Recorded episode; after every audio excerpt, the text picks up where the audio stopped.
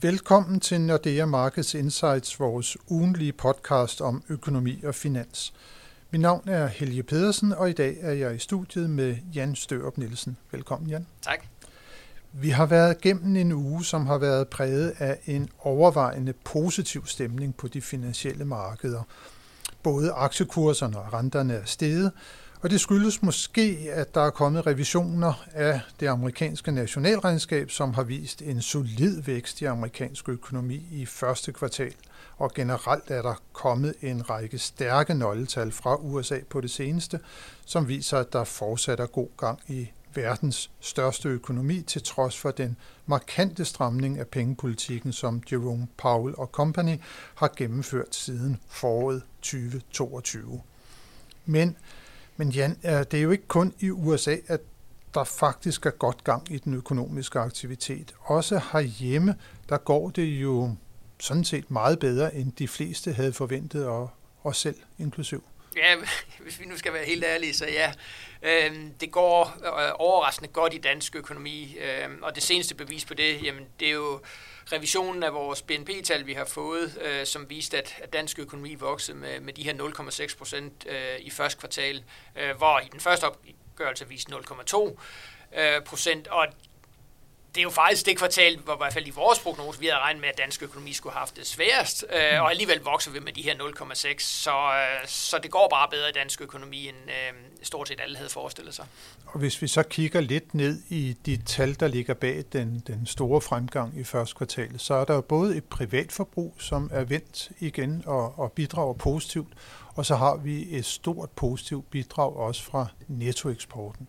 Ja, så det er jo ikke bare en eller anden teknisk omstændighed, der gør, at, at vi får de her flotte tal. Det er sådan bredt funderet øh, e- op, eller opsving i efterspørgselen, øh, og specielt øh, privatforbruget, fordi det er jo faktisk noget af det, der i hvert fald i 2022 øh, havde det, var udfordret. Vi var udfordret af den høje inflation, tab af købekraft, de højere renter øh, faldende boligpriser. Alle de her ting gjorde faktisk, at privatforbruget havde det svært i 2022. Det var godt nok, altså, det var så også fra et højt niveau, vi faldt tilbage, men stadigvæk. Og der, der ligner det altså, at, øh, at vi har fået en vending her i, her i første kvartal. Blandt andet så er der kommet noget gang i bilsalget igen. Ja, det er, og det er jo specielt øh, elbilerne, der, der trækker det også, fordi der har været nogle, øh, nogle prisjusteringer hos nogle af de her elbilselskaber, som har gjort, at, øh, at der er kommet et øget salg. Og så, så må vi også sige, altså, når vi så kigger på forbrugertillidstallene, fordi det var jo noget af det, vi holdt meget øje med sidste år, det her med det her kæmpe dyk i forbrugertilliden, hvor vi tænkte, okay, er det, er det en katastrofeopbremsning, vi er på vej til? Øh, men, men de er jo også vendt. Altså, vi, bliver, vi er blevet mere positive øh, generelt på, på både vores egen økonomiske situation og på, på dansk økonomi. Og det er jo egentlig meget øh, sjovt, Jan, fordi nu snakker vi der om elbiler, de er blevet reduceret lidt i pris, og straks så kaster man sig over markedet. Mm. Ikke? Altså, jo, jo. Det viser jo også, at der underliggende jo er en stor købekraft i dansk økonomi, og vi har jo også set fra, fra, fra, fra de tal, der også er kommet i dag omkring opsparingskvoten, jamen øh, faktisk her i, i første kvartal, så lå den jo på et af de højeste niveauer, som der nogensinde er registreret. Altså der, der er faktisk mange penge. Forbrugerne har holdt lidt tilbage, men nu kommer de måske frem igen her, hvor at inflationen den er på vej ned, og arbejdsmarkedet fortsætter stærkt? Ja, det tror jeg, og så også det her med, at øh, vi får de her nyheder om, som du siger, at, at inflationen er på vej lavere, og der er jo også mange danskere, der i, i de her måneder, når de, øh, når de ser på deres månedlige øh, øh, løntal, jamen, så kan de se, at, at de får simpelthen mere udbetalt øh, på grund af de relativt store lønstigninger, der er givet. Øh, og det er klart, når man ser, at der kommer mere ind på bankkontoen hver... Øh, hver gang det bliver den første i måneden. Man oplever, at prisen i hvert fald ikke stiger så hurtigt, som den har gjort tidligere. Og så er jo stadigvæk også det her med, jamen, altså, der er en høj jobsikkerhed. Øh, der er selvfølgelig nogle virksomheder, og det er der jo altid, der er ude og, og øh, øh, tilpasse øh, antallet af medarbejdere, men, men stadigvæk, der er rekordhøj beskæftigelse, meget, meget lav ledighed stadigvæk, så, så jeg tror også, mange danskere har den her jobsikkerhed, at, og også siger, jamen selv hvis man øh, bliver ramt af, af en afskedelse, jamen så, så har man mulighed for øh, at komme i job et andet sted. Og det gør simpelthen, at vi øh, er villige til at bruge nogle flere penge. Og nu netop omkring arbejdsmarkedet, der har vi jo også i dag fået tal, der viser, at arbejdsløsheden den steg lidt mm. i maj måned, men det var kun med 800 personer, og der er jo stadigvæk, som du siger, en tale om en rekordhøj beskæftigelse og en meget, meget lav arbejdsløshed. Ja, og mange ledige stillinger jo. Og mange ledige mm. stillinger fortsat, og ser vi på konjunkturbarometer, så er der stadigvæk omkring et fjerdedel måske af, af de danske virksomheder, der melder om, at der er mangel på kvalificeret arbejdskraft. Det kunne vel også tyde på, at når vi nu engang kommer til at få tal for andet kvartal i dansk økonomi, altså BNP-væksten, at den så måske også kan, kan overraske på, på opsiden? Ja, det, det sådan ligner det i hvert fald lige nu, øh, at, at øh, vi i hvert fald ikke får det her voldsomme tilbageslag. Øh, så det ligner jo, at dansk økonomi er inde i en rigtig god øh, steam. Vi kan også industriproduktion, øh, og vi har snakket om det mange gange tidligere, men vores medicinalindustri, der stadigvæk gør det ekstremt godt. Øh, så det ligner jo, at vi kommer til at fortsætte med, med fremgang i dansk økonomi.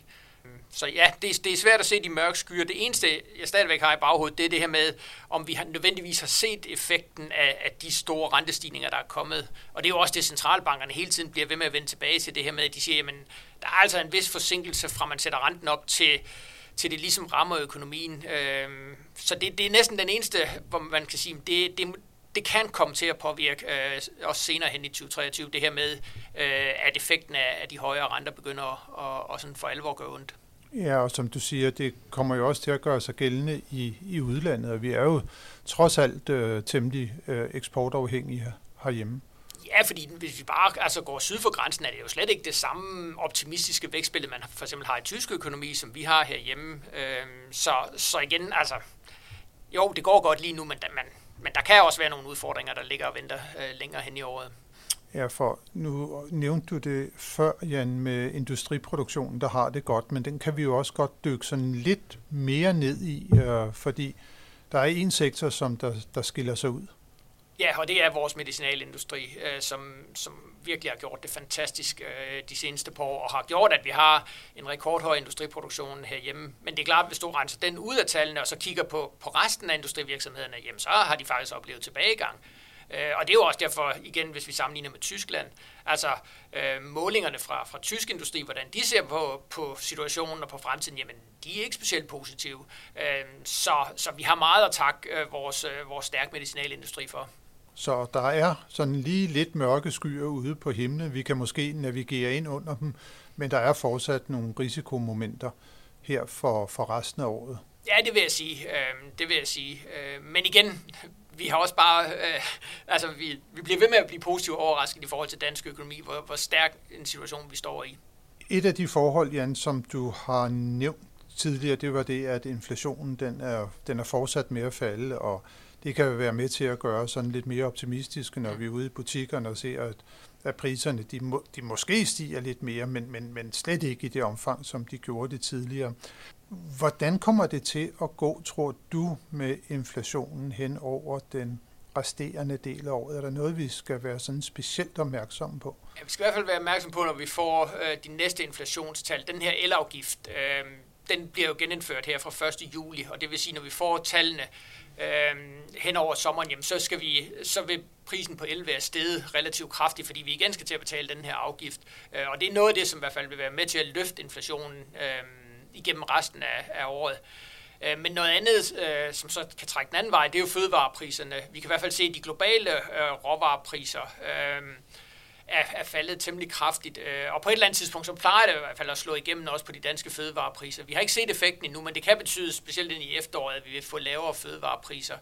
Øh, så, så samlet set, jamen, så tror jeg, at vi kommer til at, at have en dansk inflation, der kommer til at ligge omkring de her øh, ja, lige nu har vi jo de her 2,9. Vi skal nok lidt højere i, øh, over de næste par måneder, og så måske falder ned på, på de her 2,5 til 3, til 3 procent. Øh, så ja, markant lavere selvfølgelig end det, vi havde i efteråret sidste år, men jo stadigvæk, hvis vi sammenligner med tiden sådan inden coronapandemien, en, en relativt høj inflation.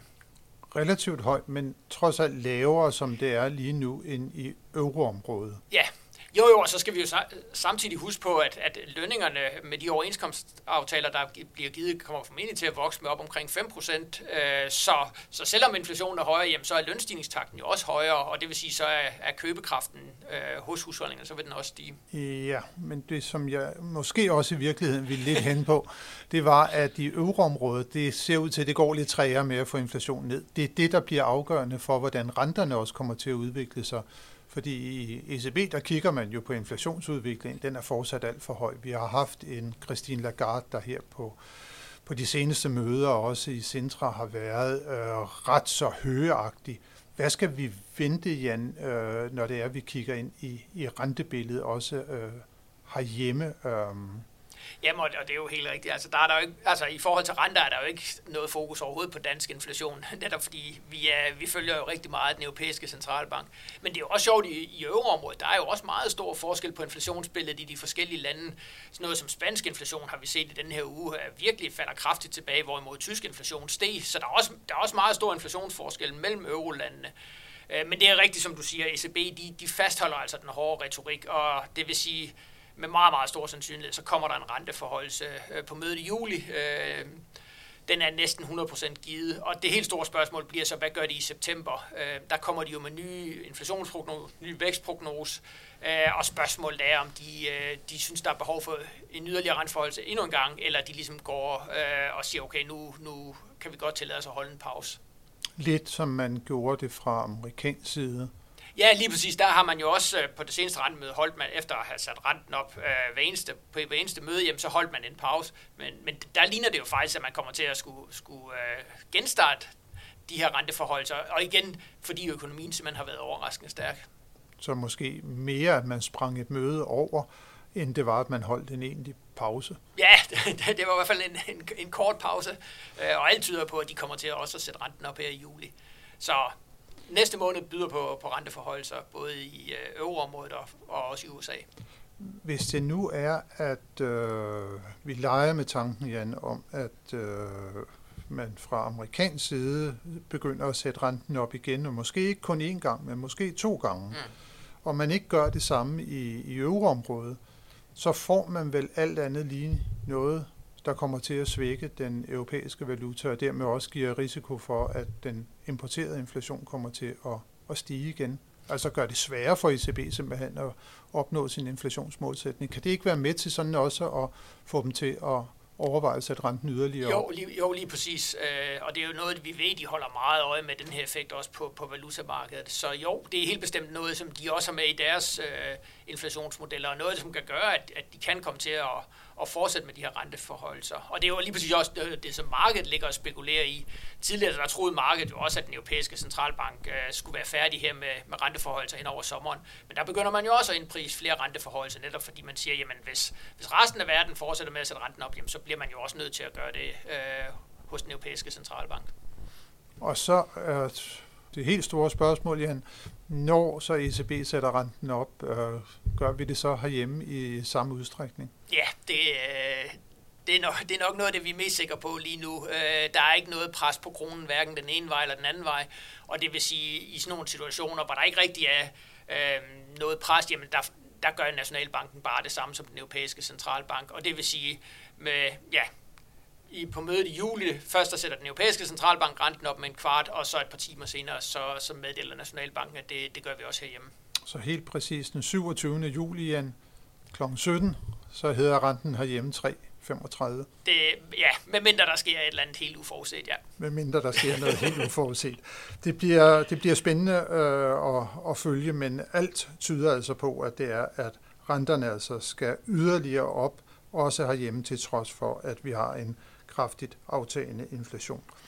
Der, hvor at vi øh, i hvert fald også skal slutte af øh, i denne uges podcast, det er jo med at kigge på de nøgletal, som der kommer i næste uge. Og der kan man sige, at der er fokus især øh, rettet mod den amerikanske økonomi igen, for vi ligger faktisk ud med et af de hårde nøgletal, nemlig ISM for USA, øh, og det er for fremstillingssektoren, og det kommer på mandag den 3 juli, og der har det jo vist sig, at de tal øh, over de seneste måneder, fuldstændig som i Europa, indikerer, at den amerikanske øh, industri har svære tider for tiden, mens øh, det er, at servicesektoren øh, oplever øh, større fremgang. Øh, og servicesektoren, der bliver vi klogere på det øh, på torsdag den 6. juli, hvor at vi så får det her såkaldte ISM-tal for netop servicesektoren.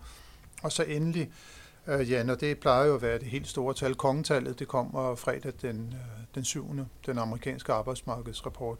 Hidtil har tallene jo vist stærkt arbejdsmarked i USA, skal vi forvente det også øh, nu her ja, det, næste gang? Det, det, det tror jeg, og igen er det, det de her nøgletal, som bliver ved med at overraske positivt. Øh, så jo, øh, jeg tror, vi skal forvente, at det amerikanske arbejdsmarked stadigvæk er stærkt. Øh, og det er jo lige præcis også, som du siger, det her med, at det er, det er meget øh, opdelt. Altså vi har fremstillingsindustrien, der har det svært, øh, bygge- og anlægssektoren, der har det svært, og så omvendt har vi bare serviceindustrien, der bliver ved med at, at melde om fremgang. Øh, så, så jo, det amerikanske arbejdsmarked, præcis ligesom det danske, vil formentlig vedblive med at være stærkt. Og så skal vi selvfølgelig også øh, i forbindelse med arbejdsmarkedsrapporten se på, hvordan at lønningerne udvikler sig, og det bliver måske den kombination, der bliver helt afgørende for, om Fed altså også på sit møde den 25. 26. juli igen kommer til at sætte renten op, som vi forventer det.